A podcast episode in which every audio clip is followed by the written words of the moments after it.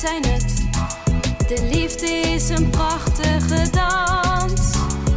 Ik ben het, jij bent het, wij zijn het. YouTube coaching geeft ons meer chance. Hi, mijn naam is Annette Burgers. Wat leuk dat je luistert. Welkom bij mijn podcast Op zoek naar de liefde. Vandaag spreek ik met Marlies van Dongen, hier in Capelle aan de IJssel, Rotterdam. Marlies, waar kom jij vandaan? Ik kom uit, eh, ik woon in Rotterdam en ik kom oorspronkelijk uit Kampen. Uit Kampen. En wat, hoe, wat was de reden om naar Rotterdam te komen? Uh, Rotterdam, uh, de liefde bracht me eigenlijk naar Rotterdam. En ja, daar ben ik hier blijven steken. Blijven steken, dus op zoek naar de liefde en kwam je terecht in, in Rotterdam. mijn podcast heet ook Op zoek naar de liefde. Uh, ik denk zomaar dat de liefde die jou naar Rotterdam bracht, uh, niet meer de liefde van je leven is. Maar op wat, welke rol speelt de liefde in je leven? Op dit moment, uh, ja, liefde heb ik in heel veel verschillende kleuren leren kennen, uh, kan ik wel zeggen. Um, en op dit moment, ja, is de liefde, ik heb echt een aanvulling in de liefde, ervaar ik op dit moment. Ik heb sinds vorig jaar februari, uh, vorig jaar, ja, rond 15 februari zoiets, heb ik uh, opnieuw echt liefde uh, van een man in mijn leven toegelaten. Nadat ik acht jaar alleen was. Mm. En je zegt, de liefde kent vele kleuren. Welke kleur heeft deze liefde dan, die jij vorig jaar hebt toegelaten? Um,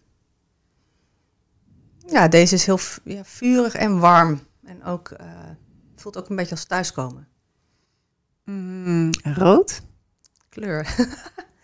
rood, ja. Wijnrood zou ik zeggen. Wijnrood. Ja. Nou, hartstikke mooi. Je zegt van ik was acht jaar alleen. Um, uh, kan je daar iets over vertellen? Wat was de reden dat jij uh, acht jaar alleen bent geweest? Um, 2013 uh, stierf mijn partner en vader van mijn kinderen. mijn kinderen waren toen 1 en 2 jaar oud. En mijn partner was net 40 jaar. En hij was ontzettend ziek.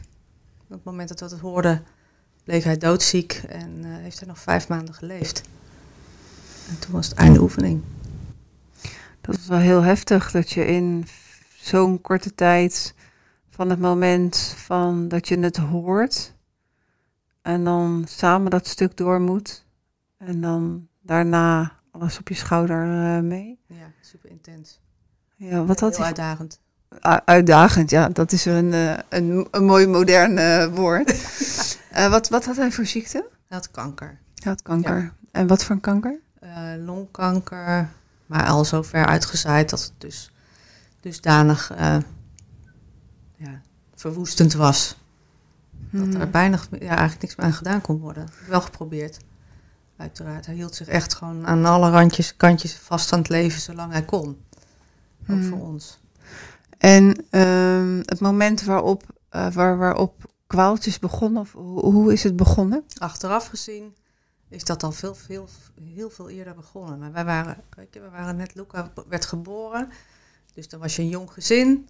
Uh, mijn partner uh, Jeroen, die uh, was net met een bedrijf begonnen samen met een andere partner. Dus die waren dag en nacht aan het werk. Dus er was heel veel, we waren druk. Dus hij was moe. En achteraf gezien uh, was hij heel vaak moe. En zei hij ook als hij ochtends wakker werd, lijkt wel of er een vrachtwagen over me heen heeft gereden. Maar ja, we stonden echt midden in het leven. En we hadden een, een gezinnetje. Toen Luca er was, was Ella al in de maak. Dus nou ja, overal waren we aan. Maar hij, uh, hij kreeg wel, had hoesten. En, en hij had ook wel eens uitvalsverschijnselen. En pas eigenlijk toen hij gestorven is, was, toen ben ik met een neuroloog gaan praten. Heb ik proberen die hele puzzel weer terug te leggen. Want je ook gedrag verandert, van alles verandert. Mm. En uh, ja, dat, dat maakt het ook heel intens in zo'n proces. Want je, ja, je, je raakt, je, weet je, je, ik probeerde oplossing te zoeken. En hij wist dat, hij, weet je, dat het eindig was. Dus, uh, ja, en achteraf gezien uh, ja, is het gewoon niet goed gezien door de dokters. Niet de goede foto's. Op andere plekken gekeken. En ja, toen echt de bulten tevoorschijn kwamen, uh, toen was het eigenlijk al te laat. Hmm. Hoe, hoe, hoe ging Jeroen daarmee om? Ja.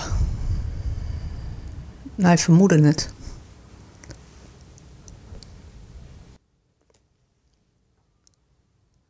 Ja, was heel, heel kwaad. Kwaad op, de, op, op het leven, kwaad op het artsen, kwaad, kwaad op. Ja, dat het, dat het, nou ja, dat zijn grootste angst waarheid was geworden. Dat was ook wel heel bijzonder aan, eh, als ik achteraf terugkijk, weet je, dan zie je dingen, dan ga je ook goede vragen in jezelf stellen.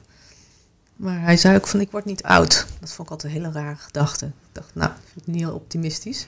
Daar kan je ook niks mee. Maar toen hij dus gelijk kreeg, toen dacht ik, eh, ja, ben ik zelf gewoon heel erg gaan nadenken. Wat doet angst met je leven? En doordat Jeroen gestorven is, eh, ben ik dat heel serieus gaan nemen. Ik dacht, stel je voor dat angst je vermorzelt. Dat het zoveel effect heeft op je systeem. Of dat je, ja. Dus dat heeft mij dus eigenlijk een slinger gegeven toen hij er niet meer was. Ik dacht, ik wil ja, mijn angsten aangaan. Of in ieder geval los kunnen laten. Want ja, dit is niet wat je wil. Dus Hmm. Ja, hij had heel veel angst. Dus ik heb hem ook echt heel veel angst in zijn ogen gezien. Dat was wel heel heftig. En hoe ben je blijven staan? Ik had twee kindjes. Hmm. Twee baby's. Die hadden constant aandacht en voeding nodig. En die zaten heel dicht op elkaar qua geboorte. Dus ik had elf luiers en eh, dus ik ging door. Dus maar het- je krijgt ook een soort overleef, Overlevingsstand. ja, overlevingsstand. Dus ik, ik heb later ook teruggekeken dat ik dacht, wie was dat? Dat iemand ook zei, dat was jij. Dus ik, ik, heb, ik had toen echt een... een ehm, ik kon heel goed handelen. Ik wist precies wat er nodig was, wie ik was moest vragen. Dus ik was gewoon aan. Ik stond compleet in mijn kracht. En daarvoor was ik vrij timide en nee, creatief. En ik hoefde mijn stem niet zoveel te gebruiken. Ik kon dingen goed, nou ja... eh, in mijn eentje zeg maar. Nu moest ik echt een eh, heel team aansturen, weet je. Zijn, zijn partner, er waren collega's, er waren familiekringen. Je moest alles, ik heb het stokje werd gewoon overgegeven aan mij. Dus ik had niet zoveel tijd om na te denken. Ehm, maar kon dus blijkbaar ook heel goed delegeren. En eh, ja, wat heeft me overeind gehouden? Eigenlijk, ik heb gewoon mezelf eh, toegestaan om te vertragen. Ik dacht, als ik dit vol wil houden, dan moet ik vertragen. Dan moet ik bepaalde dingen laten vallen. Dus ja, mijn werk en mijn carrière, dat, was gewoon, dat werd gewoon opzij gezet. Hmm. En dat kon, was er begrip op je werk? Nou, ik, ik ben freelancer al sinds 2000. Dus ik had al een soort vrije staat. Dus ik Hmm. ging als freelancer naar eh, opdrachtgevers. Dus ik werd wel gevraagd, maar ik moest nee gaan verkopen. Ja, ik kon, ik kon het niet overzien anders. Hmm. Dus voor mij hielp het gewoon echt per dag kijken. En hoe zag een dag voor jou eruit? Ja, toen Jeroen net gestorven was, waren we doodmoe. Hmm. Dit was eigenlijk al heel lang aan de hand. Dus ik was al heel lang, liep ik ook op reserve en zorgde ik, draaide ik de toko. En ehm, ja, toen was het, de kinderen, dus die deden nog twee slaapjes denk ik op een dag. Ik sliep gewoon mee. Zo Ik klein was- waren ze nog. ja, Ja. zo klein waren zij. Ja, en moeder worden is natuurlijk al super intens. En al die andere die ballen, weet je wat je ook van jezelf verwachtte, dat moest allemaal naar beneden geschroefd. Dat was best wel. eh, ik, had, ik had geen keus. Nee. Dus ik was ook heel erg kwaad. Op wie was jij kwaad? Ja, gewoon op het leven. En zelfs op Jeroen, die er niet meer was. Dus ik, Dat hij in de steek liet. Doen. Ja. ja, ik was echt... eh, maar dat was echt die wanhoop. Ik, weet je, ik, moest, ik, moest het er, ik, ik richtte het ergens op. Hmm. Het was gewoon woede. En ik weet nog goed dat ik op een gegeven moment eh, echt heel hard geschreeuwd heb. En dan niet, je, weet je, de kindjes bij waren of andere mensen. Want je bent bang dat je anders wordt afgevoerd in een busje. Terwijl dat gewoon het gevoel is wat je hebt. Dus je bent, het moet eruit. En dat is eh, wel heel bevrijdend als je gewoon even, ja, als je gewoon heel hard kan schreeuwen. En dat vond ik ook wel heel bijzonder. Want dat deed ik. Het eerste moment was dat in het ziekenhuis. Toen wij hoorden van, uw man gaat dood dacht ik, nou, dat kan niet. Dus een andere film, Ja. het verkeerde scenario. Ja, je zit echt, we gaan, we, we gaan dat kamertje uit, we lopen naar de gang en we pakken elkaar vast. Er kwam een hele harde schreeuw.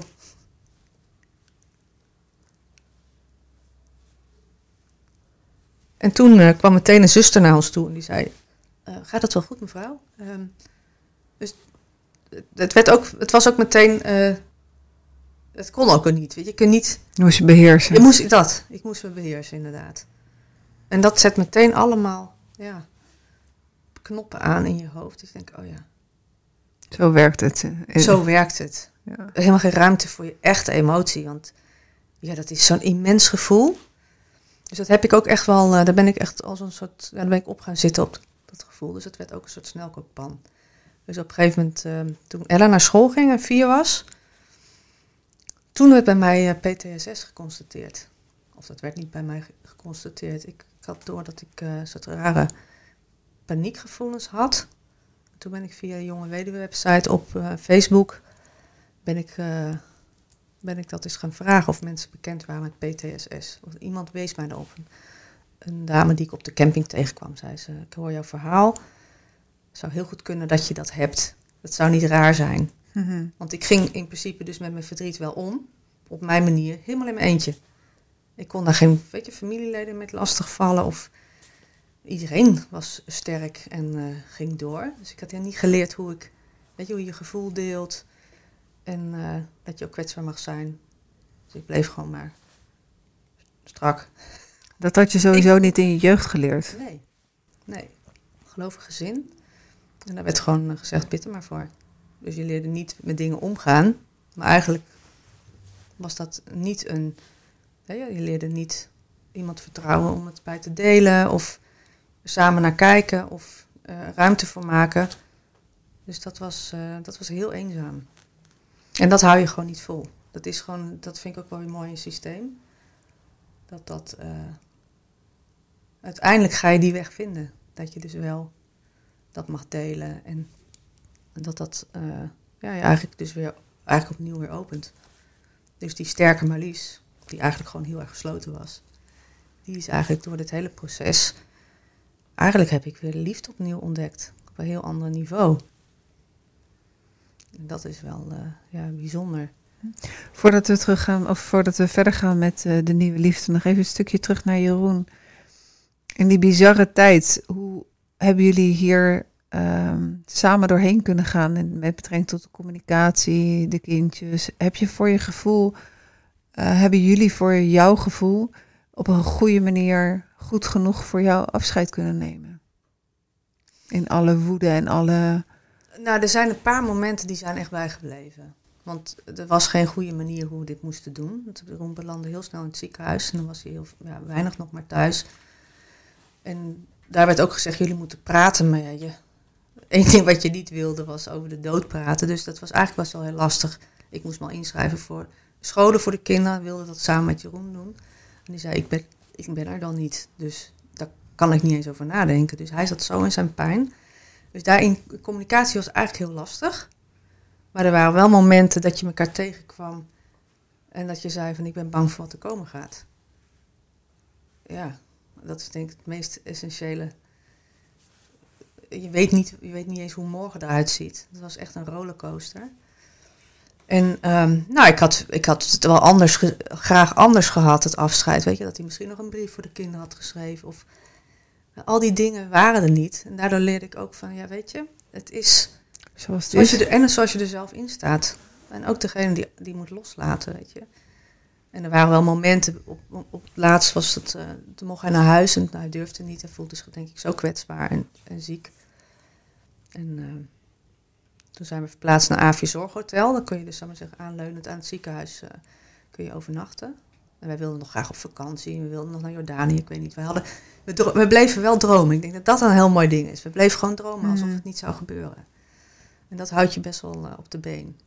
En, eh, ja, en daar in het Zorghotel toen... eh ja, maakt me wel emotioneel. Even een glasje water. Ja. Nou, toen zei hij ook iets heel moois.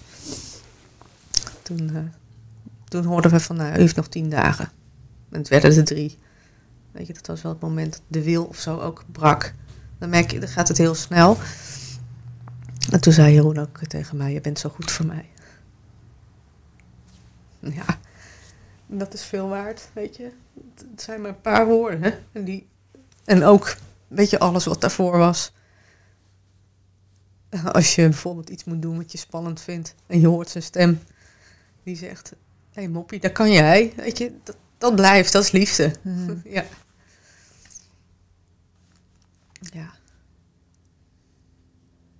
En ja, nu het acht jaar verder is, weet je, dat blijft je raken. Maar ja, als het ware ehm, neem je alles mee wat je van elkaar hebt geleerd. Dat, integreer je en dat is heel mooi. Dus liefde wordt heel breed iets.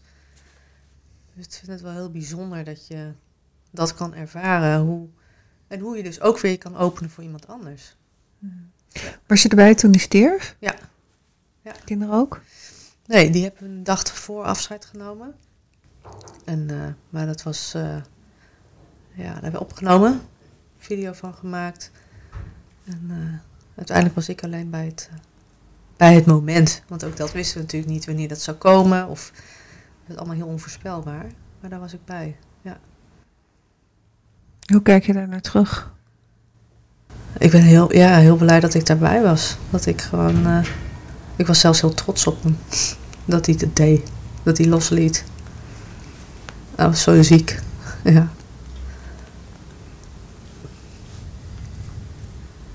Ja, kijk je erop terug. Ja, is een heel waardevol moment.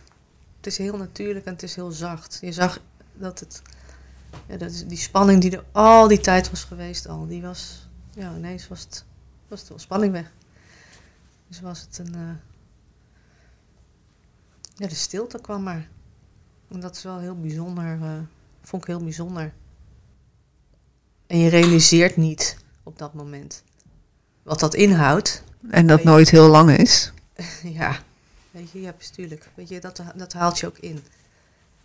Weet je, dat je de deur hoort opengaan. Of ik ben zelfs ook nog een keer teruggegaan naar het ziekenhuis, omdat ik dacht, eh, misschien ligt hij er toch nog. Heel, weet je, er zit een realiteit, eh, die, die gaat zich, ver- die, die, die- die komt niet bij elkaar of zo. Daar heb ik bijvoorbeeld PTSS, heb ik eh, ehm, EMDR gekregen, omdat ik dus in mijn dromen nog zocht- zorgde voor mijn zieke man. Als ik op straat een ambulance hoorde of zo, dan was ik fysiek nog eh, in beweging. Maar omdat ik ook voor die kinderen moest zorgen, was ik, en ik zelf nog heel kwetsbaar was als jonge moeder, was er dus een soort. eh, een, een, ik uit de connectie met de realiteit. En dat, dat ging fysiek dus iets met mij doen. En toen ik EMDR had gevolgd bij een eh, therapeut, toen werd ik als het ware weer gewoon weer terug geconnect. En dat is ook wel iets heel belangrijks, want je gaat gewoon door. Je weet niet beter dan dat je het, je redt je wel. Dat zei ik ook tegen Jeroen. Ik red me wel. En dat zei ook, wat jij moet doen, zou ik niet kunnen. Dus dat was ook iets, weet je, daardoor, hij geloofde in mij, dat, dat, dat zei hij ook altijd. En eh, je gaat het gewoon doen. Maar ergens moet je jezelf ook weer terugvinden. En, eh, en door de EMDR ben ik eigenlijk wat meer ge- geconnect met mijn lichaam. Dat ik merkte, wauw, je lichaam is super intelligent. Mhm. En eh, je bent eigenlijk in een soort overleefstand als zoiets gebeurt. En je bent eigenlijk dus continu in een, nou, in een ehm, hoe zeg je dat? Zoals een soort dia die aan blijft staan. Een soort overleef. eh, en dat werd met die EMDR werd dat helemaal ontladen. Want eigenlijk was er niemand meer op het moment dat Jeroen stierf. Was er niet iemand die mij omarmde. Dus met de dood van Jeroen viel er zoveel weg. En toen merkte ik dus hoeveel effect zijn liefde had gehad op mijn leven. Want ik kwam daardoor wel echt in een, eh, ja, fysiek ook in een soort kou terecht. Letterlijk, alles koud werd. En het is heel bizar als je dan Zonder aanraking. bijzonder aanraking. Ja, wat toch ook een veiligheid is, je basis samen. Ja, en dan, dat, dat wil je ook voor je gezin. Daar kies je samen voor. En, eh, ja, en toen is eigenlijk bij mij eh, ook heel veel gevoel tevoorschijn gekomen. Ik denk ook die woede, die ik eigenlijk nooit liet zien. Die kwam tevoorschijn, maar die mag er ook zijn. Weet je, als je gelovig opvoedt en je moet altijd bidden, het is allemaal positief en goed, dan, dan is er eigenlijk een deel van jezelf dat je ontkent. Want woede is wel degelijk iets om het bij te sturen en te voelen van, oh ja, wacht even, ik ben uit balans. Dat weet ik nu. Dat ik mooie, weet je, gewoon goede mensen op mijn pad heb gehad en ook echt eh, therapie heb gezocht. Ik dacht, er klopt iets niet. Het kan niet zo zijn dat je geliefde, weet je, je infuus is. Het moet wel, er, moet ook een soort, ja, er is toch een goede basis onder liggen of zo. Dus eigenlijk ben ik weer eh, van vooraf aan begonnen, maar heel bewust. Ik wilde niet mijn partner. Ik dacht, ik, ik, ik moet eerst kijken wie ik ben. En het kan niet zo zijn dat. eh, je zou ook zelf moeten kunnen overleven, daar ben ik wel van overtuigd. Dus dan moet je op een andere manier die liefde terugvinden. Eh, Eh, hoe ben jij gaan kijken naar de dood? Na deze ervaring. Eh, ja, ik ben nucht, ik, het meedogenloze van de dood, zeg maar, dat zat nog helemaal niet in mijn systeem. Maar nu ik weet dat dat er is, kun je ook ehm, veel duidelijkere keuzes maken. Hoe bedoel je dat? De, de dood is gewoon, het is dus nu onderdeel van het leven. Die komt er, vroeg of laat. Ehm,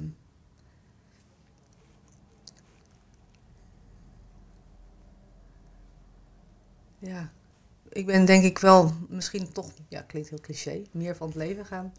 eh, Meer, of, meer de, de tijd gaan waarderen die ik heb. In die zin van, weet je, de, de maatschappij ging gewoon knetterhard door. En wij stonden eigenlijk stil, zo voelde het. Maar juist eh, doordat ik stil ging staan, kwam ik weer bij mezelf. Dus ik pakte mijn fotocamera weer. En heeft de pijn eigenlijk mijn aandacht weer in het nu gebracht. Want hiervoor zat ik in een rat, weet je, rat race. En dan was het gewoon, alles moest kunnen en eh sky's the limit. Maar dat ik helemaal tot, tot, ja, tot stilstand ben eh, gebracht. Of en ook, ook voor gekozen heb. Ja, ben ik, ben ik denk ik intenser bij het leven nu. Dat ik veel meer van moment naar moment kan leven. En soms ook niet met kinderen, is logisch. Maar de dood heeft me eigenlijk eh, meer schoonheid gebracht. Heel dichtbij. En ook eh, eh, ehm, veel meer eh, verbonden met intuïtie. Ik ben met de kinderen gaan reizen naar Nieuw-Zeeland. Ja, hoe, hoe kwam je op dat idee? Ja, nou dat is. eh, ik ben heel visueel ingesteld. En ik werkte bij reclame, of bij een, eh, een eh, groot modemerk, Tommy Hilfiger. Daar werkte ik in een team en dan maakten wij een soort. Visualiseerden wij, zeg maar gezegd, waar de familie Hilfiger naartoe ging. Nou, die hadden een fantastisch leven. Weet je? Mooie kwaliteit. En dat droom, kon je echt dromen. En dat gingen ze dan ook uitwerken in, eh, In de reclames. Campagnes, ja. En toen eh, Jeroen stierf, toen eh, weet ik nog dat ik op een gegeven moment eh, echt dacht, ik weet gewoon niet hoe verder. Weet je, ik moet voor deze kinderen zorgen. Ik, ik voelde geen energie meer. Nou, die heb je wel nodig als je gewoon de toekomst aan wil.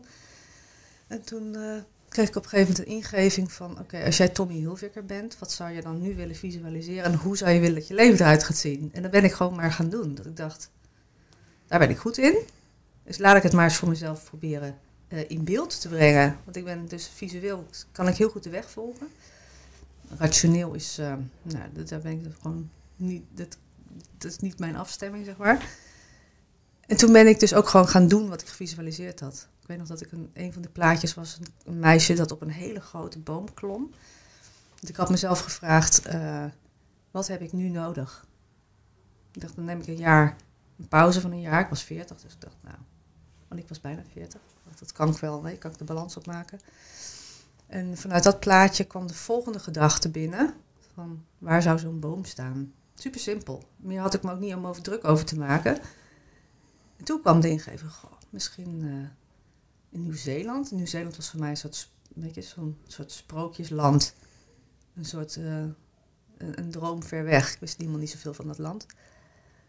En toen dacht ik, eh, de volgende gedachte was, wat als ik daar naartoe ga met de kinderen? En zes weken later we ziek in het vliegtuig.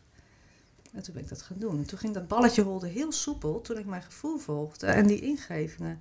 En daar heb ik toen zoveel van geleerd, van dat kleine stukje. Hm. Want ik visualiseerde voor klanten. Maar toen ik het voor mezelf deed, toen wist ik, ah, wacht even. Zo werkt het. Zo werkt het. Kan je je nog herinneren dan dat jij eh, met de twee kleintjes eh, die eh, tunnel inliep voor het eh, vliegtuig? Wat voor een gevoel ging je weg? Hoe zag dat eruit? Eh, ik heb vooral het beeld toen dat ik aankwam. Dat ik echt zo vanuit de camera zag dat je het, het, het, het land Nieuw-Zeeland kwam echt in zicht. En Hoe voelde dat? Ja, dat voelde fantastisch. Ik echt dacht, ik was zo nieuwsgierig. En, eh, en het was natuurlijk ook super zot, want ik ging daar met een, eh, een, een kleintje van drie en een kleintje van net vijf. Eh, ging ik daar eh, rondreizen. Terwijl ik het land ook niet kende. Ik had een boekjes, dus... Maar ik wist wel, ik, weet je, het komt wel goed. Dat wist ik inmiddels. Eh, het was, weet je, het was heel erg fijn om weg te gaan. Het is ook een soort ontkoppelen. Ik wilde helemaal niet meer hier in Rotterdam zijn. Weet je, daar was gewoon, dat hele droom lag in duizend stukjes op de grond. Te veel her- herinneringen ook overal waar je kwam? Ja, zeker. En weet je, voor ons was alles veranderd en voor de anderen niet. Dus je zat in een rare werkelijkheid waar je niet wilde zijn. Het mooie was door weg te gaan en daarna weer terug te komen, had ik nu iets gekozen. Ik had mijn verhaal gekozen. Het verhaal van Jeroen, dat hij doodging, had ik niet gekozen. Maar ik zat er wel in. En daar speelde Jeroen de hoofdrol en wij stonden daaromheen. En eh, het mooie van dit was, eh, van de reis naar Nieuw-Zeeland, was dit kon ik zelf kiezen. Daar heb ik mijn spaargeld op ingezet. Ik dacht, dit is voor mij. En, eh, en daarna zien we wel. Wat heb je daar, daar gedaan? Ja, daar zijn we eigenlijk, ben ik gaan rondreizen. Heb je gewoon een auto gehuurd? eh, Ik had een camper. Maar die had ik allemaal in Nederland al gehuurd. Ik dacht, ik moet wel even een onderzoek doen. Want geen Wel. idee hoe dit gaat werken. en wel goed organiseren.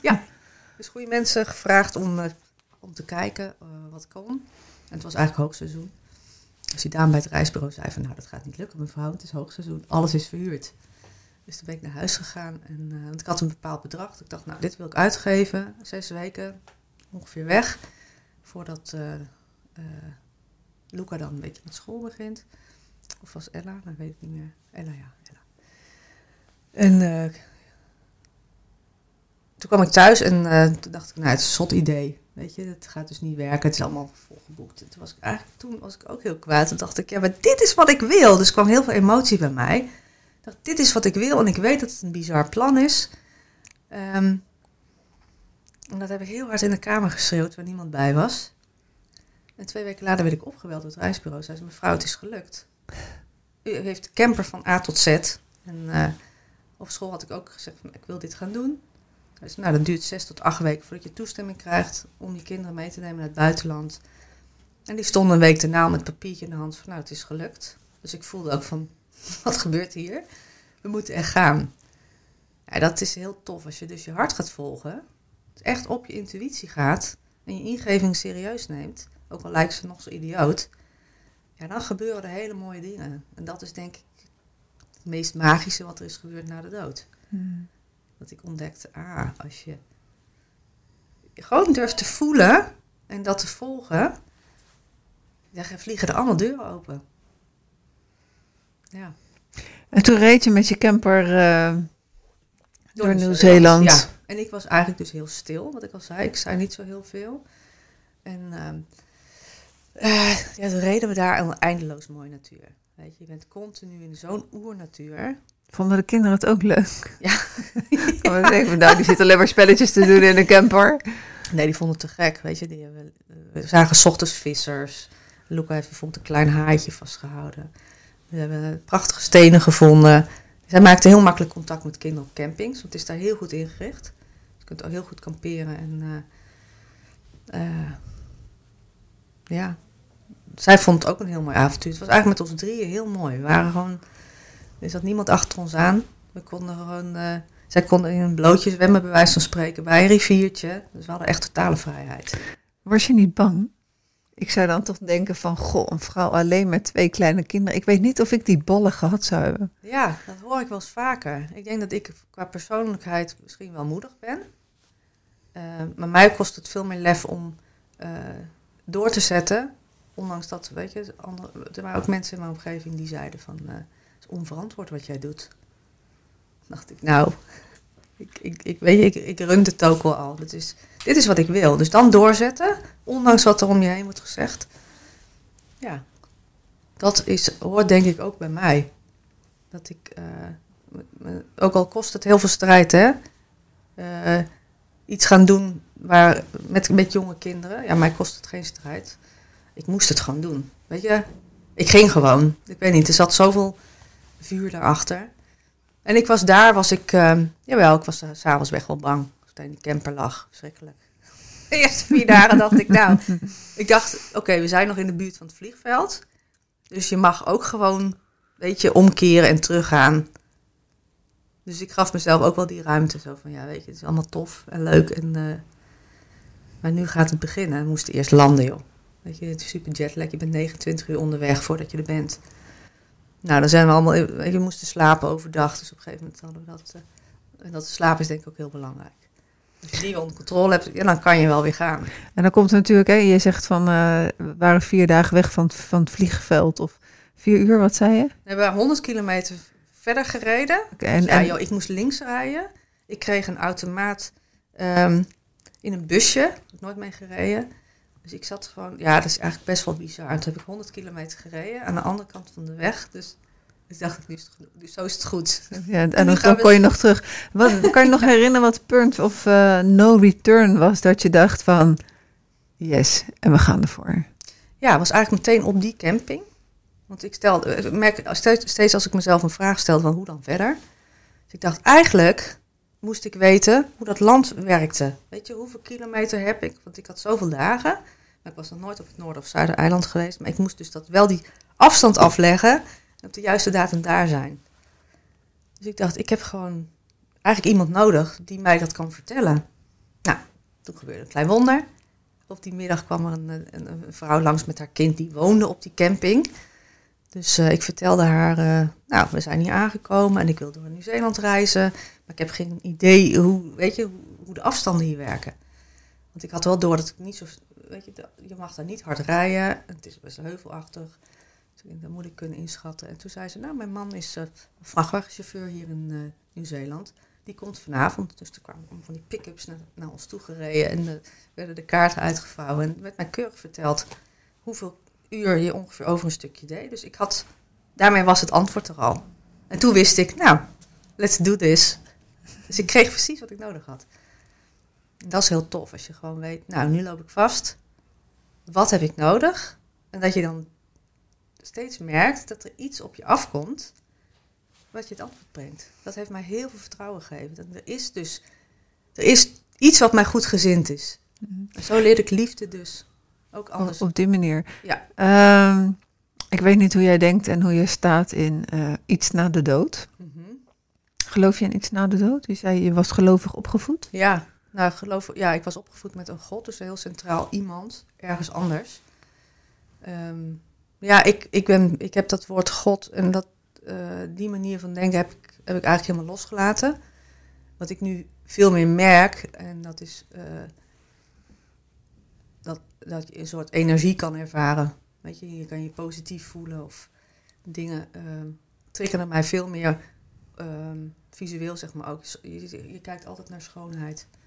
Daar is je systeem soort van op afgestemd. Ook al voel je je super shit, je ogen zullen iets moois zoeken. Dus dat hele positieve, ehm, ja, Eh, nou, dat is iets wat, wat nu, ja, ik kan het goddelijk noemen, of ik wil er eigenlijk niet zoveel woorden aan hangen, merk ik. Dat vind ik niet meer belangrijk. Wat ik wel een hele leuke gedachte vind, want ik ben ook helemaal in de spiritualiteit gedoken. Ik ben van alles gaan doen. Ook denk ik omdat ik op zoek was naar liefde. En eh, eh, wat het idee dat, dat, dat we evolueren, dat de evolutie, dat mensen, of de reïncarnatie, dat vind ik een hele leuke. Dat weet je, dat we elke keer een stukje ehm, de aarde verder ontwikkelen. Dat we steeds vrijer worden. Dat vind ik een heel mooi idee. Maar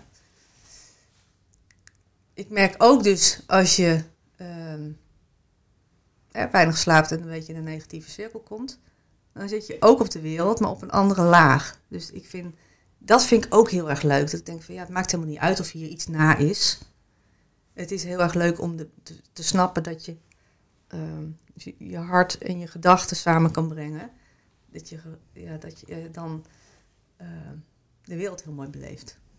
Kijk, de, eh, ik zou me namelijk ook heel goed kunnen voorstellen. En voor mij zou het misschien wel zo, zou mijn uitleg kunnen zijn. Hè, voor mezelf, als mij zoiets zou overkomen. Ehm, het was nog niet zo heel erg lang na zijn overlijden. Het was eh, positief wat op je pad kwam, wat je uitgeschild had. Ehm, ik zou me ook zo kunnen voorstellen dat het zou voelen als zijnde van eh, dat Jeroen op zijn eigen manier jullie eh, begeleidde tijdens die reis. Of is dat helemaal niet in jou opgekomen? Jawel, natuurlijk. Als je dat zo zegt, ik, jawel. Ik, weet je, ik, ervaar, ik ervaar zeker dat hij er ook is. Daarom zeg ik van, het is niet na de dood. Ik ervaar heel goed dat hij er is. Hele grappige dingetjes, maar ook via de kinderen. Weet je, dat Ella bijvoorbeeld naar school ging en we hebben een koffer waar zijn kleren, waar kleren van hem nog in zitten. Dat ze precies op die ochtend zeiden, wat zit er in deze koffer, mama? Dat ze nog eventjes kleren gingen aantrekken en die schoenen rondliepen, dat soort dingen. Denk, eh, hij, eh, hij is er wel degelijk. Maar dat zie je door anderen heen of door situaties heen. Dus na de dood, ik denk wel eens van ja, we kunnen, we kunnen het niet bevatten met onze hersenen wat hier gebeurt. Dus ik vind na de dood eigenlijk een soort verhaal wat je hier niet kan beleven. Dat vind ik bijna tekort doen aan. Aan het fenomeen. Ja, denk ik, ja. Eh, het mooiste moment in Nieuw-Zeeland. En neem gerust even een slok. Ja, het mooiste moment. Mm.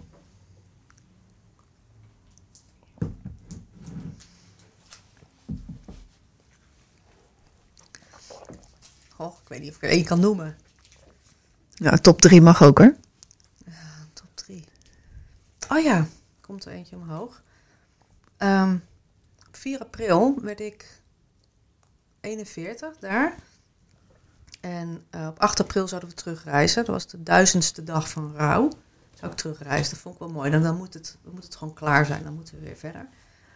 En op die dag hebben we toen een eh, wens eh, de zee ingestuurd. Een heel mooi stuk hout gevonden. Die hebben we de, de zee ingegooid met z'n drietjes. Luca, Ella en ik. En we hebben een eh, nieuwe vader gewenst.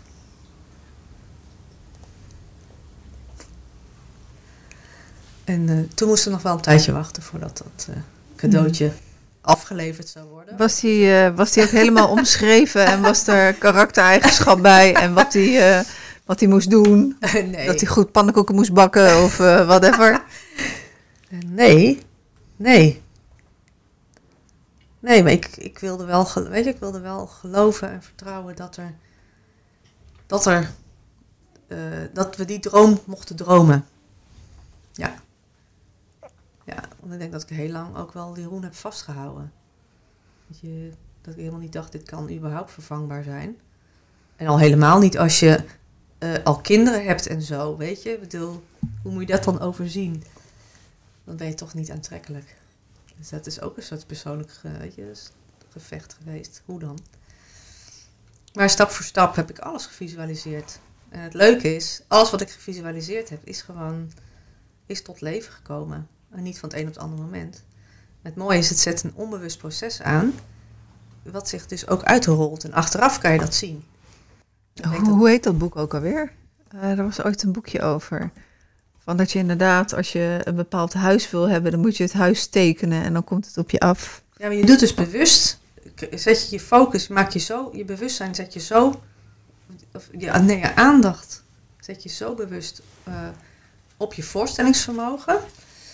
En eh, daar heb ik ook boeken over gelezen, want je voorstellingsvermogen, kijk, ik ging reizen met de kinderen naar Nieuw-Zeeland en later hoorde ik ook van een andere vrouw die zei, wauw dat je dat durfde. En die zijn ook gaan reizen en zo. Dus je voorstellingsvermogen meedelen aan anderen maakt ook dat we een weet je, breder perspectief krijgen. Maar ook dus je, dromen herinneren. Want ik merkte toen Jeroen gestorven was, dacht ik, ja, wat wil ik überhaupt? Want ik was, weet je, voor geld gaan werken. Ik had al mijn, ik had alles in dienst gezet van dit gezin moet draaien. En eh, weet je, ook verwachtingen die je naar elkaar hebt. En eh, even kijken hoor, waar wilde ik nou naartoe?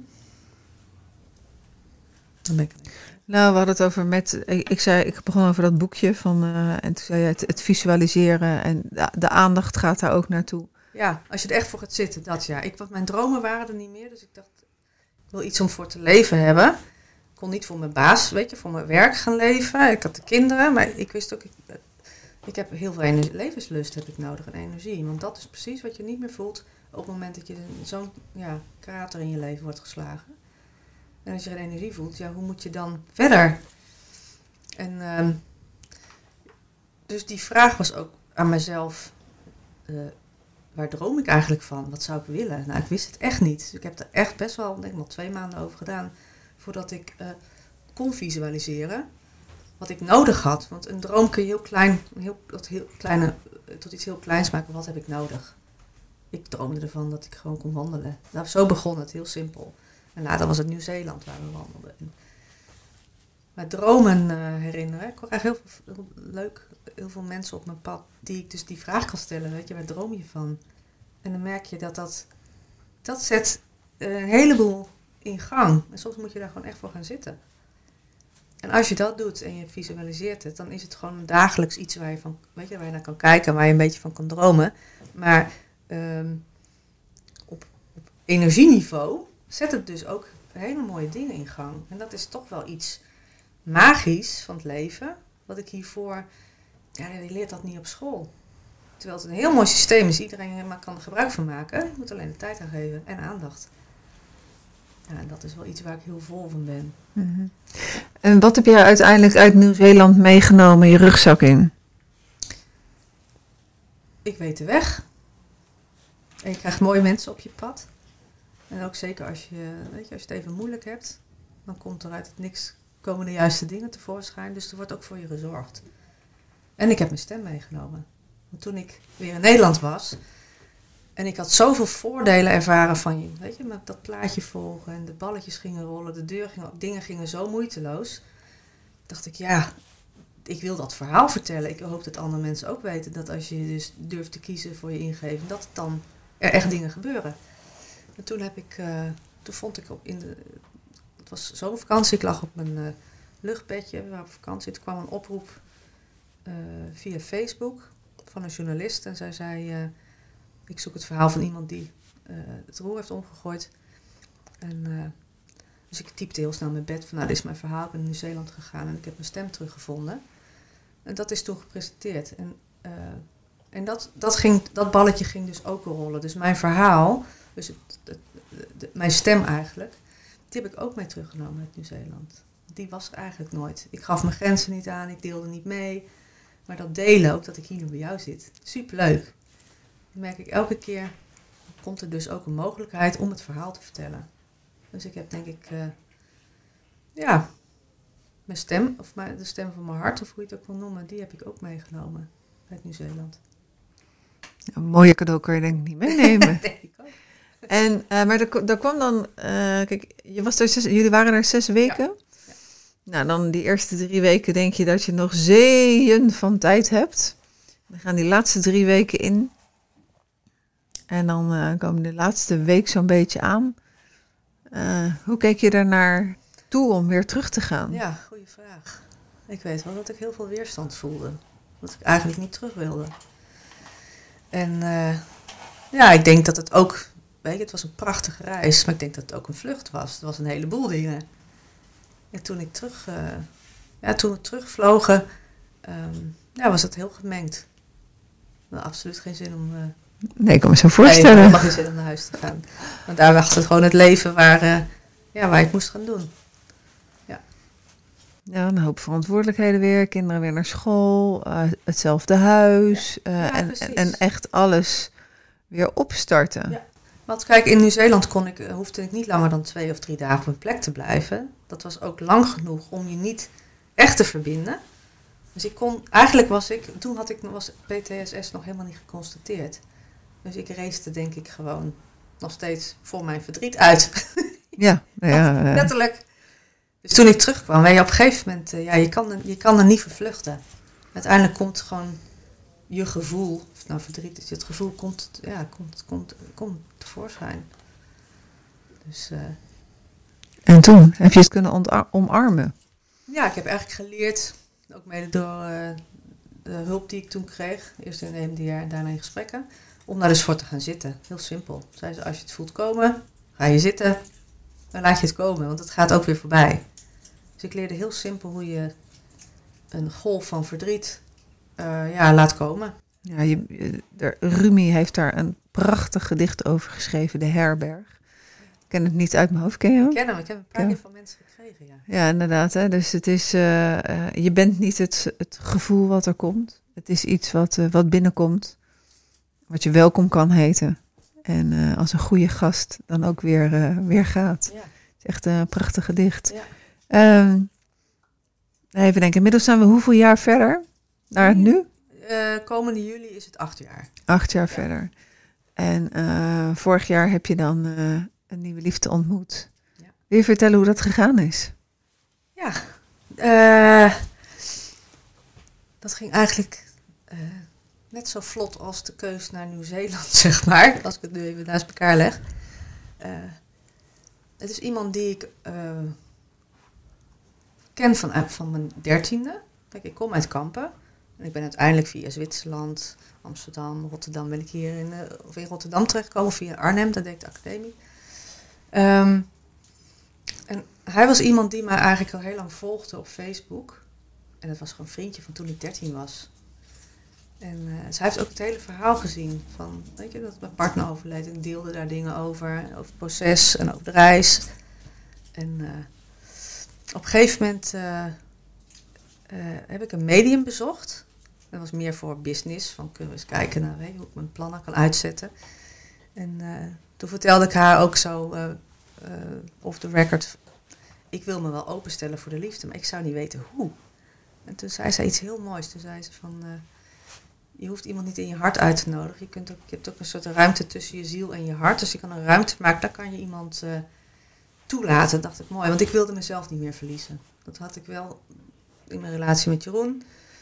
Weet je, wordt moeder, je verliest een hele hoop. Weet je, past je ook aan dingen aan. Dus ik had ook het gevoel, ik wil mezelf niet verliezen met een nieuwe partner. Daardoor ben ik heel lang alleen geweest. Ik dacht, ik moet eerst weten wie ik ben. En dan kan ik wel eh, mijn grenzen aangeven of hè, weer openstellen. Ehm, zij zei, het medium zei op een gegeven moment... eh, eh, zij vertelde eigenlijk een verhaaltje. Zij zei, ik eh, ga binnenkort trouwen. En eh is iemand die ooit verliefd op mij was, waarvan ik het niet wist. Die heeft weer contact met mij gezocht. Toen dacht ik, oh, wat een leuk verhaal.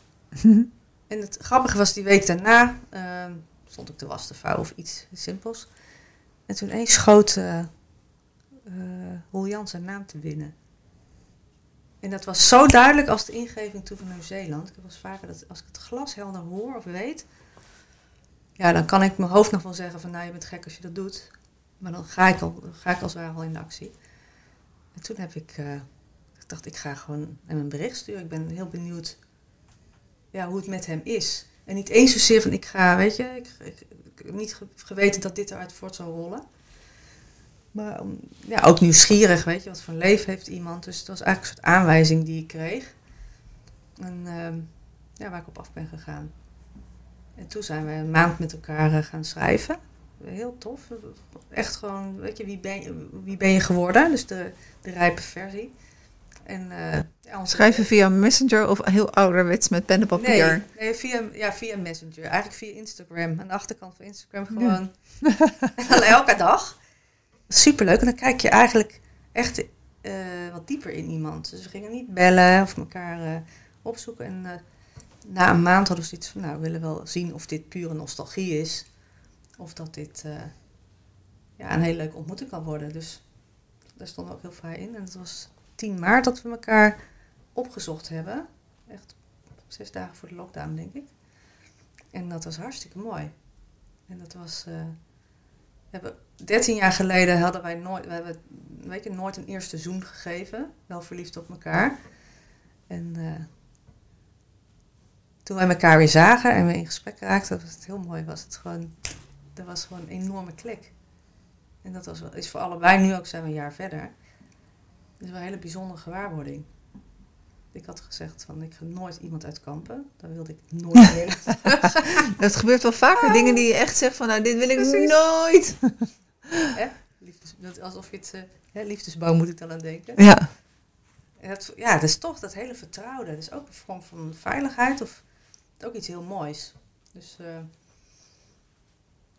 ja, Eh, dan ben ik eh, eh, toch wel nieuwsgierig. Dan, nou, je hebt twee kinderen. Je bent heel close met elkaar natuurlijk. Je hebt acht jaar, negen jaar en ik weet niet hoe klein ze waren, vier en vijf toen ze op reis gingen. Maar...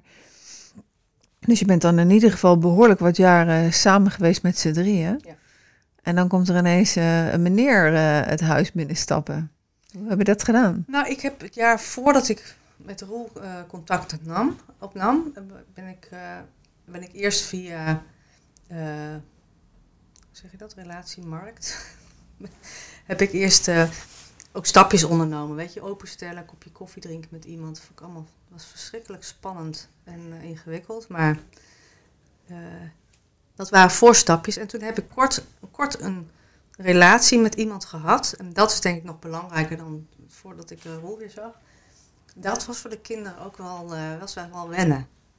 Vooral voor mijn zoon. Die had zoiets van, nou... eh, Ja, hij was hè? de man in huis, zo kwam er ineens een andere Precies. man. Ja, en daardoor kon ik ook wel, dat was wel heel mooi, want ik kon echt ook zien wat het met de kinderen deed. Maar hij had ook een groot gezin. Hij had dan twee, eh, twee andere relaties gehad, waar ook kinderen bij waren. Dus het was enorm. En dat was ook wel heel veel. Maar zo hebben we wel ja, ook een- ja, dat kunnen ervaren. Dus, en de kinderen moesten er inderdaad ook heel erg aan wennen. En het mooie bij Roel is ehm, dat ze een hele mooie. Ik zie dat er een hele mooie klik is tussen hun allemaal. Weet je, dat, dat daar geen. geen ehm, ja, hoe zeg je dat? Het heel open is. Is puur. Het is heel puur, dat is een goede woord. En de kinderen hebben in principe geen concept wat is een vader. En eh, maar het leuke is dat, dat je dus ziet hoe oorspronkelijk het is wat een kind doet om zelf te connecten. Dat ze dus ook fysiek contact zoeken of een hand pakken. En, ja, vind ik heel mooi om daar eh getuige van te zijn. Ze geven eigenlijk aan wat ze nodig hebben. Ja, het zit gewoon in de natuur dus. En dat ze ook een soort veiligheid voelen. En dat ze het fijn vinden om even die arm om heen te hebben. Ja. En woont, woont Roel bij jullie? Nee, Roel woont in eh, Roosendaal bij Velp. Bij de postbank, zeg prachtig daar. En het grappige is, dat staat allemaal op mijn moodboard. Er staat een orangerie. Dat is allemaal wat daar is. Dus het is heel, heel bijzonder als je dan merkt, ook dat valt op zijn plek. Dus je Het is geen toeval meer, hè? Het is geen, nee, dat is het. Dat is Het is ook- geen toeval nee, meer. dus je hoeft daar ook niet over te twijfelen. Maar je hebt wel gewoon, natuurlijk heb je twijfelmomenten. Want we zijn van plan om die kant op te verhuizen. eh, in de zomer. Ja, dat zijn best grote dingen. En dat is ook voor de kinderen, weet je. Dat heeft ook weer consequenties. Maar je weet inmiddels ook, weet je, als je keuzes maakt, eh, grote keuzes, want dit is ook een grote keuze. Je weet, ja, je, je weet, je weet dat je dat je, je redt. Wat er ook gebeurt, heb je zelf. Is Hey, je eentje zes Juist. weken met, eh, met de kinderen, hup, de camper in eh, Nieuw-Zeeland eh, doorgetrokken. Dus wat er ook gebeurt, jij bent er. Precies. En tussen de jaren daarna, je moet gewoon, je doet het maar. En het, het, het lukt. Eh, Marlies, ehm, ik heb zelf heel lang. ehm, mijn kinderen waren 9 en 12 toen hun vader overleed. Wij waren toen net even al gescheiden. Desalniettemin heb ik me toch zeer zeker weduwe gevoeld.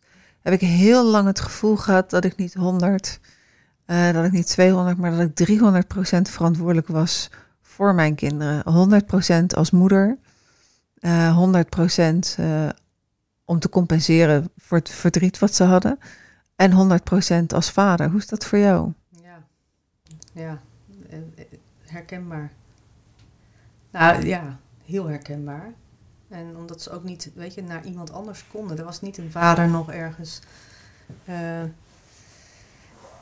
ja, ben je dus altijd aan, hè? 24-7.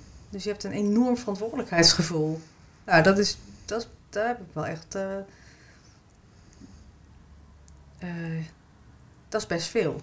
Ja, het is ook wel te veel. Nou, wel, ja. Ik Ja. bedoel, bij mij zijn ze inmiddels 32 en 29. Eh, Maar ik weet nog dat ze voor het eerst eh, samen met een neef van hen naar, eh, naar Uruguay gingen op vakantie. En toen dacht ik, oh, nu kan de, zorgen, die kunnen even overgenomen worden door de familie in Uruguay. Eventjes wat, wat ruimte. Dat heb ik toen echt letterlijk gevoeld. En daarna ben ik ook wel stukje voor stukje is die 300% Dus er is hoop, Marlies. Die 300% is wel geslonken, want nu zijn ze, staan ze op hun eigen benen. Hebben allebei eh, inmiddels een relatie. Ik heb ook nog wel heel lang heel sterk het gevoel gehad, want ik ben, ik ben eigenlijk uit huis gegaan. Normaal gaan kinderen uit huis. Mijn zoon is ook uit huis gegaan. En toen zei mijn dochter op een gegeven moment van, ga jij maar bij je vriend wonen. Ik blijf wel hier in ons huis. En dan komt er een moment dat je denkt van, oké, wat ga ik met dat huis doen? Ga ik het verkopen of, eh, of wat dan Ja. ook? En zij zei, ja, ik, blij- ik blijf hier wel. Eh, en, en dat is wel een soort van. Ja, iets wat ik meeneem van mijn kinderen hebben mij en het huis. En zo lang mogelijk eh, gun ik ze dat huis. Als de een van de twee het nodig heeft, Ja. eh, eh, dat blijft staan. En of mijn partner dat nou leuk vindt, ja of nee. We moeten we andere wegen bewandelen om, om welke manier dan ook samen te wonen. Maar daar kan ik niet zo makkelijk afstand van doen. Ja, Heeft Roel ook kinderen? Roel heeft ook twee kinderen. Ja, die wonen bij hun mama. Zij zijn lang geleden gescheiden. Dus, eh, en hij ziet hun eh, om het weekend. Hij reisde heel veel, maar door corona is alles veranderd. Dus in die zin is er dat bij hun gezin ook van alles veranderd. Ik heb eh, de foto's eh, gezien eh, op, op Facebook van je. Het ziet er inderdaad wel heel mooi en, en heel eh, eh, liefdevol eh, uit. Mooi hè? Ja, ja. ja, het is ook heel mooi. Zo'n, eh, het geluid wat er terugkwam eh, van mensen ook, die het ons super gunnen. En ja, het is ook heel mooi om dat weer naar buiten te brengen. Dat je echt voelt, dat, is, ja, dat wil je delen. En dat is heel mooi wat voor, wat voor warme golf dat dan, weet je, verspreidt. Mm, ben je er? Heb je eh, met, met je rouw? Eh, of hoe, hoe heb je dat stuk beleefd? Ja, Los van het feit dat... nou, ik denk, dat- jawel. Ja, weet je, er zijn, eh, het mooie is dat er nu iets anders naast kan staan. Weet je, zolang het, ik heb, denk zolang als je niet je open kan stellen om echt ook een, een ander toe te laten, is het gewoon nog heel erg aan. Tenminste, dat heb ik zo ervaren. En het moment dat ik durfde weer zelf eh, te genieten, hier en nu, ging dat, was dat weer een fase van het rouwproces wat, een, wat meer een plek begon te krijgen. En nu ook bijvoorbeeld, eh, afgelopen weekend was Roel er en werd mijn zoon tien. Nou, dan is Jeroen, weet je, die is gewoon een soort van aanwezig. En eh, het is heel mooi als eh Jeroen zei ook, ik heb je vader niet gekend, Luca, maar ik zie hoe erg je op hem lijkt. Dus nu, dat, dat, dat dat ook dus naast elkaar kan staan, dat is heel mooi. Dus het voelt niet meer rauw. Maar eh, dus je voelt wel heel veel liefde. Ik kan echt overstromen. Ik heb eens het gevoel wel eens dat, dat, het verdriet, of de tranen me harder hebben, eh, de, de harde wand heeft, heeft eh, doen smelten of zo. Dus ik voel eigenlijk alleen maar meer liefde. Alsof je hart alleen maar groeit en groeit en groeit. Ja, dat is mooi. Ja. Denk jij dat, eh, dat Jeroen Roel aardig zou hebben gevonden? Zouden het vrienden hebben kunnen zijn? Ja. Bier- een biertje in de kroeg. Ja, eh, zeker. Zeker. Nou, en dat was wel ook wel heel bijzonder. Want toen, vlak voordat Jeroen stierf, toen zei hij ook tegen mij... ehm, ik wil dat je een andere man zoekt. Niet te snel, maar hij moet goed zijn voor jou. Met andere woorden, ook, dan is hij ook goed voor de kinderen. En dat vond ik heel mooi. Toen heeft hij, ook- dat heeft hij ook tegen een goede vriend van hem gezegd. Hou een oogje in het zeil. En die heeft dat ook heel lang gedaan. En ehm, toen ik met het medium sprak, toen... ehm, toen was Jeroen, kwam dus ook in dat gesprek voor. Ze was jouw man een grote man met krullen? En eh, toen hebben ze een soort een, een, een wegwijs gemaakt samen eh, over, dit, over die toekomstige man. Die Roel dus is. Dit klopt ook allemaal, dat is heel raar. We hebben geen namen genoemd, maar wel beschreven wat voor, wat voor type. En daardoor ja, wist ik ook dat, dit, dat, het, dat het goed was. Weet je, er is maar niet gezegd, je moet dit en dit en dit doen. Maar Jeroen zei ook van, die gaf heel duidelijk ook aanwijzingen. Wat het niet moest zijn. en wat het wel moest zijn. Wat mocht het niet grappig. zijn? Nou, het moest, het moest iemand zijn die ehm, gewoon goed wist. Wat, dus dat was is heel mooi. was ook naar mij heel mooi. Ze zeiden van, weet je, iemand die weet wat hij wil. Die gewoon eh standvastig in het leven staat, net als jij. Vond ik super mooi om te horen. Dus niet iemand die stuurloos is. Weet je, want ik kwam ook, je, komt ook mensen tegen die op een andere plek staan in hun leven. En dan kun je natuurlijk ook redder spelen. Nou, dat hoefde niet. En dat wilde ik ook niet. Ik had dus, weet je, ik heb, ik heb mijn portie wel gehad, het is goed zo. Absoluut. Nou, en dan, weet je, dan, dan verschuift je perspectief dus ook. Het is gewoon nou, het eigenwaarde. Ik denk dat dat heel erg gegroeid is. Je eigenwaarde is je waarde. Dus daar kan je ook op acteren. Hartstikke mooi. Marlies, heb ik over dit onderwerp, over, eh, over jouw verhaal, heb ik een vraag laten liggen? Is er nog een vraag waar jij antwoord op wil geven?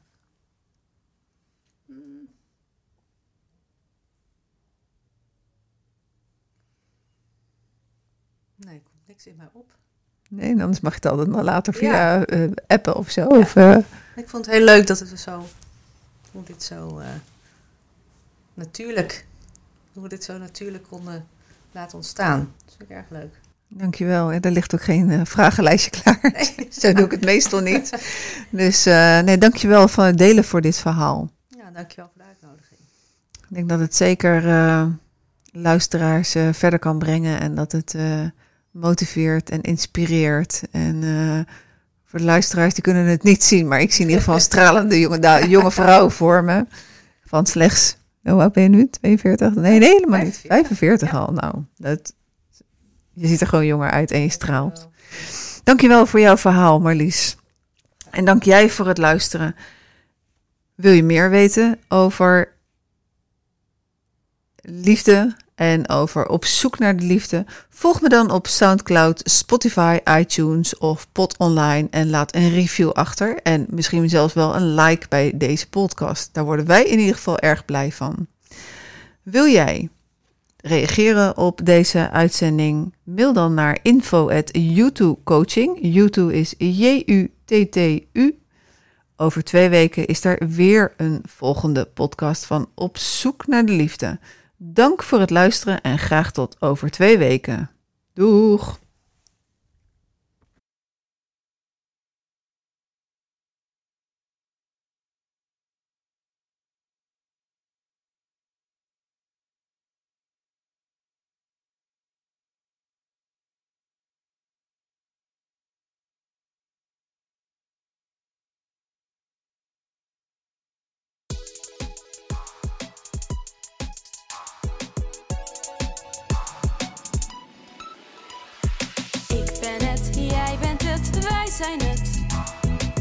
Liefde is een prachtige dans. Ik ben het, jij bent het, wij zijn het. De creatie van een mooie balans. Ik zoek naar de liefde en vind die in jouw hart. Ik kijk in je ogen en maak een nieuwe start.